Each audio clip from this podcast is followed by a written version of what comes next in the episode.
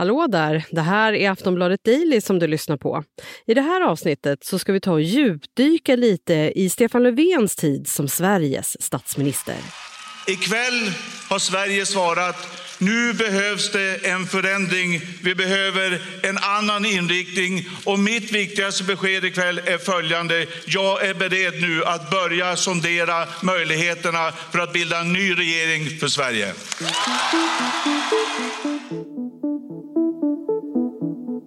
Ja, så där lät det 2014 när Socialdemokraterna blev största parti i riksdagsvalet. Då hade Stefan Löfven varit partiledare i två år. Han tog över partiet efter Håkan Juholt och det var ett parti i djup kris och många undrade om Socialdemokraterna någonsin skulle vara redo att leda landet igen. Stefan Löfven hade när han tog över Socialdemokraterna ingen traditionell politisk bakgrund och hade inte heller haft ambitionen att jobba med politik. Trots det så har han nu varit statsminister i över sju års tid. Men de här åren har varit minst sagt stormiga. Det har stormat kring Löfven som det inte stormat om någon statsminister tidigare. Stefan Löfven har behövt hantera flera internationella kriser såsom flyktingkrisen 2015 och så nu coronapandemin. Kriser som han och regeringen fått stor kritik för. Samtidigt så har det varit dramatiskt även kring den nationella politiken. Budgetar som röstats ner, allianser som spruckit och också för första gången i svensk historia så röstades Löfven bort som statsminister under sommaren 2021. Omröstningen har utfallit med 181 ja, 109 nej, 51 avstår. Jag konstaterar att kammaren har bifallit yrkandet om misstroendeförklaring mot statsministern.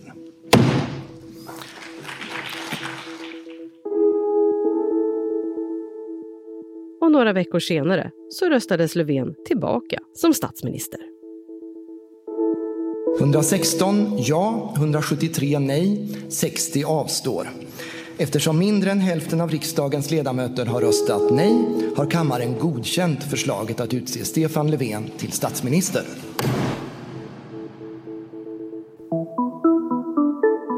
Så hur har åren med Stefan Löfven som statsminister varit? Hur har han hanterat de stora kriserna och vad gjorde han bra? Det här går vi igenom i det här avsnittet av Aftonbladet Daily. Jag heter Jenny Ågren. Och med mig för att prata om Löfven så har jag vår inrikespolitiska kommentator Lena Melin. Och hon får börja med att berätta om hur han har varit som statsminister. Ja, han har väl inte vara någon särskilt lysande statsminister. Man kan nog inte säga det ens med den bästa vilja i världen.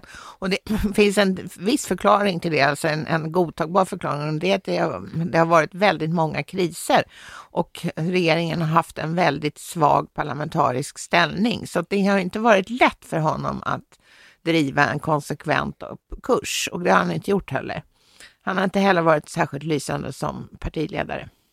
Nej, sen var det ju så, han hade ju inga planer på att bli politiker och, in, och har ju inte den bakgrunden. Hur skulle du säga att det har märkts av?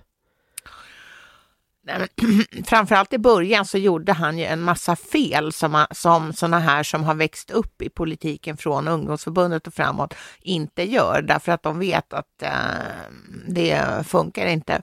Och ett av de felen som han gjorde i början av sin tid som statsminister var det, det var att han eh, utlyste, eller sa att han skulle utlysa nyval. Eh, sen ställdes det där in och jag tror att ingen mera garvad politiker hade överhuvudtaget kommit på tanken att utlysa nyval i det läget som det var då, eftersom valresultatet skulle vara ungefär detsamma som det hade varit innan. Mm. Och sen var det så, när han tog över Socialdemokraterna 2012, då var det många som ens tvekade på om partiet var kapabla att styra landet. Ja, alltså han tog över eh, Socialdemokraterna i ett väldigt kritiskt läge för dem. Det var deras största kris i modern tid. Och, och det berodde på att den, eh, för, Stefan Löfvens företrädare Håkan Djupholt, han, han var en god talare, men han hade väldigt ofta fel. Och till slut så ruckade det där på tilltron till, till inte bara Håkan Juholt själv, utan till Socialdemokraterna. Och så att läget var akut och eh, Stefan Löfven kallades in under fanorna efter eh, dagar av sammanträde på partihögkvarteret på Sveavägen i Stockholm. Och sen lyckades han ju ändå få Socialdemokraterna till att vinna valet 2014 och blev statsminister då och sen även omvald 2018. Eh, men under de här åren så har ju Löfven fått hantera flera stora internationella kriser i Sverige som till exempel flyktingkrisen och nu senast pandemin. Hur skulle du säga att han har hanterat de här stora kriserna? Om vi börjar med flyktingkrisen så, så kan man väl säga att han var ju absolut inte mentalt förberedd på, på mm, att det skulle välla in så många eh, asylsökande i Sveriges gränser. Tidigt på hösten, eh, när fortfarande, det hade redan börjat komma jättemånga, men fortfarande sa då Stefan Löfven, i mitt Europa bygger vi inga murar. Och sen gick det exakt två månader och så byggde, byggdes det jättehöga murar för att ta sig in i Sverige. Närmast ointagligt blev Sverige. Så att det han sa stämde ju inte och det har ju påverkat bilden av honom i ganska hög grad. Därmed är det inte sagt att det eh, sannolikt inte var eh, nöd, det var säkert nödvändigt att göra det här därför att inget land av Sveriges storlek kan ta emot så där himla många människor som vi gjorde utan att det blir dåligt. Det kom ju 163 000 2015. Ja, du sa att han inte var förberedd. Skulle, skulle du sagt att någon annan var förberedd? Hade någon annan kunnat hantera det på ett annat sätt? Ja, kanske de hade inte uttryckt sig så där att i mitt Europa bygger vi inga murar. Utan de kanske hade uttryckt sig lite mer försiktigt. För det var inte så att det inte kom en enda flykting i september när han sa det här, utan det var ganska många redan då. Och sen då senaste eh, krisen som faktiskt också fortfarande pågår, pandemin. Ja, och där är det ju så att där eh, mm, det är alltid lätt att vara efterklok och eh, ingen har hanterat en pandemi av den här storleken på hundra år. Så att det är klart att det begås diverse misstag. Men jag skulle ändå säga att det finns några där man eh, nog kan säga att det var ett bristande handlag från regeringens sida. Det ena var att det kom igång så sent med testningen och smittspårningen och då berodde det delvis på att regionerna förstod inte om de skulle få betalt av staten för den här masstestningen eller inte. De ville ha liksom klarare besked innan de satte igång i full rulle. Eh, sen ett annat eh, misstag som ju har med mänskliga fri och rättigheter att göra, det, det var ju den här inlåsningen av gamla på särskilda boenden. Där stängdes ju dörren in till deras små lägenheter den 1 april 2020 och de öppnades inte förrän för ett halvår senare. Det där var, var ju ett grundlagsvidrigt eh, beslut. Och det tredje eh, kan man säga att som Eh, där är det absolut inte bara regeringens fel för att även läkemedel, alltså läkemedelsbolag lovade för mycket. Men regeringen sa ju att eh, alla, alla vuxna över 18 år skulle vara färdigvaccinerade till eh, halvårsskiftet i år, alltså mitt i sommaren där eh, och ehm, precis veckan efter midsommar. Och så är ju inte fallet.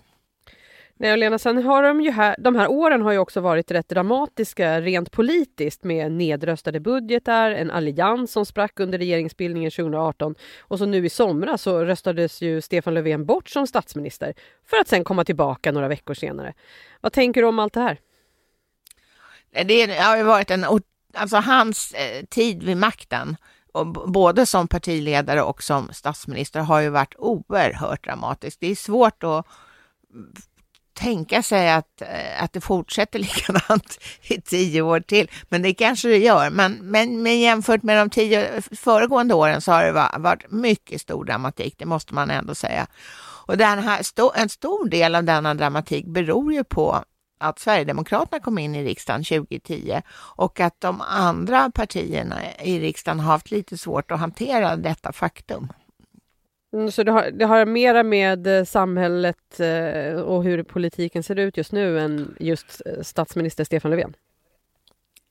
Ja, alltså det, sen kan man ju hantera den här situationen på olika sätt. Men om vi, om vi tar um, den första dramatiska motgången så var det ju det här hösten 2014 när, när regeringens eh, budgetförslag röstades ner i riksdagen och det berodde på att Sverigedemokraterna röstade på dåvarande alliansens budget som fick majoritet i riksdagen. Och det var efter det som Stefan Löfven sa att jag kommer att eh, utlysa nyval och det kommer att äga rum i slutet av mars.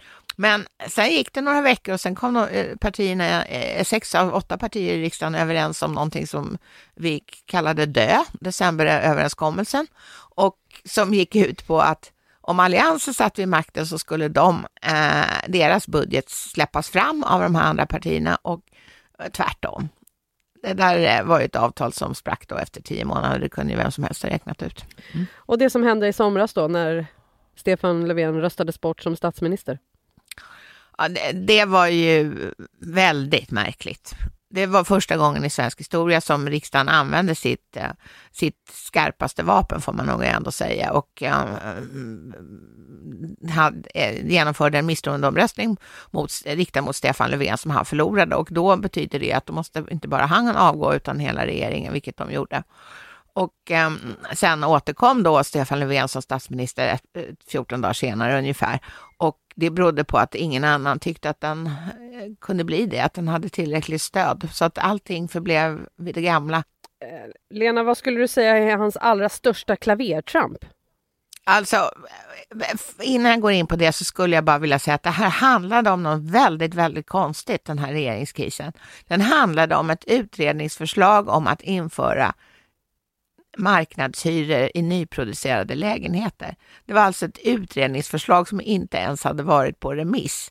Och det kan man ju tycka att det var ett klavertramp av Stefan Löfven att inte förstå hur viktigt det här var för Vänsterpartiet, för det var de som drev att regeringen måste backa från detta hemska förslag, trots att de inte själva hade ens lagt fram det, alltså regeringen hade inte lagt fram det. Och han kanske underskattade kraften i, i Vänsterpartiets eh, säga, ursinne över detta förslag. Och vad, han fram, vad som sen, sen blev det här någon slags självspelande piano, för då hoppade ju alla andra partier, eh, utom de som stod bakom januariavtalet, på Vänsterpartiets eh, opposition mot regeringen i denna fråga, trots att de egentligen tyckte att utredningsförslaget var toppen.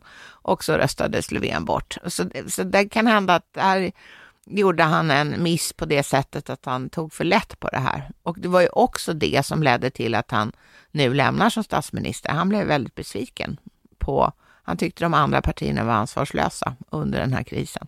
Ja, det var det jag ville fråga också. Borde han ha gått tidigare eller är det exakt rätt tid nu? Alltså, det, det, finns väl aldrig någon rätt tid för någon, för en partiledare eller statsminister att avgå. Jag tror att det finns alltid 71 invändningar från, för att en tid är fel eller det, det borde vara bättre än någon annan gång. Men så här kan man väl säga, samma sekund som han sa, tänkte att jag vill inte hålla på med det här längre, då måste han avgå. Det, det där är ett jobb som man inte kan ha om man inte tycker att det är jätteviktigt och, och och att man gör en, en, en insats för landet. Så att jag tror också att det kan eh, vara bra för Socialdemokraterna att han, att han faktiskt lämnade, därför att jag, han har märks av de här åren, coronaåren och, och ser ju ganska trött ut faktiskt. Att det, det kanske inte hade varit så bra för Socialdemokraterna att han ledde dem i nästa års val. Han har haft tio tuffa år ungefär, men något bra har han väl gjort också? Ja, alltså om man ser det ur Socialdemokraternas synvinkel så har han ju gjort någonting fantastiskt. Han har ju lyckats bli statsminister, han blivit vald tre gånger till och med. Eh, eh om, alltså han valdes ju till statsminister av riksdagen 2014 efter valet. Sen valdes han 2019 efter den här superlånga eh, regeringsbildningstiden som pågick i 134 dagar. Och sen valdes han då igen efter den här regeringskrisen som vi nyss pratade om i somras. Så att trots en kompakt borgerlig majoritet, eller borgerlig kanske man ska säga, för då blir de borgerliga partierna arga. Eh, en kompakt majoritet för de fyra borgerliga partierna och Sverigedemokraterna så har Stefan Löfven ändå lyckats bli, vara statsminister i Sverige i eh, sju år och en månad och eh, hålla, och med vissa svårigheter, men dock behålla vakten och bli vald till detta ämbete tre gånger. Kommer du sakna Stefan Löfven i politiken? Nej, det kan jag inte säga. Ja, däremot så måste jag säga att jag högaktar honom verkligen för att han har, han har tagit mycket seriöst på sin arbetsuppgift. Han har gått in för det med stort allvar och gjort vad han kan. En synnerligen plikttrogen människa tror jag att han är. Men nu önskar jag honom ett lugnare liv där han kanske också hinner gå på teater ibland, för det verkar han gilla. Vet du vad han ska göra nu? Nej, han har ju sagt eh, mer eller mindre på skoj att han vill ha något eh, internationellt uppdrag och vad jag förstår beror det på att han, han eh, ser fram emot att inte ha Säpo i hällarna. Sist här hörde vi Lena Melin, inrikespolitisk kommentator på Aftonbladet. Jag heter Jenny Ågren och det här var ett avsnitt av Aftonbladet Daily, vår dagliga nyhetspodd. Kom ihåg att trycka på följa-knappen i din poddspelare nu, så hörs vi snart igen. På återhörande. Du har lyssnat på en podcast från Aftonbladet. Ansvarig utgivare är Lena K Samuelsson.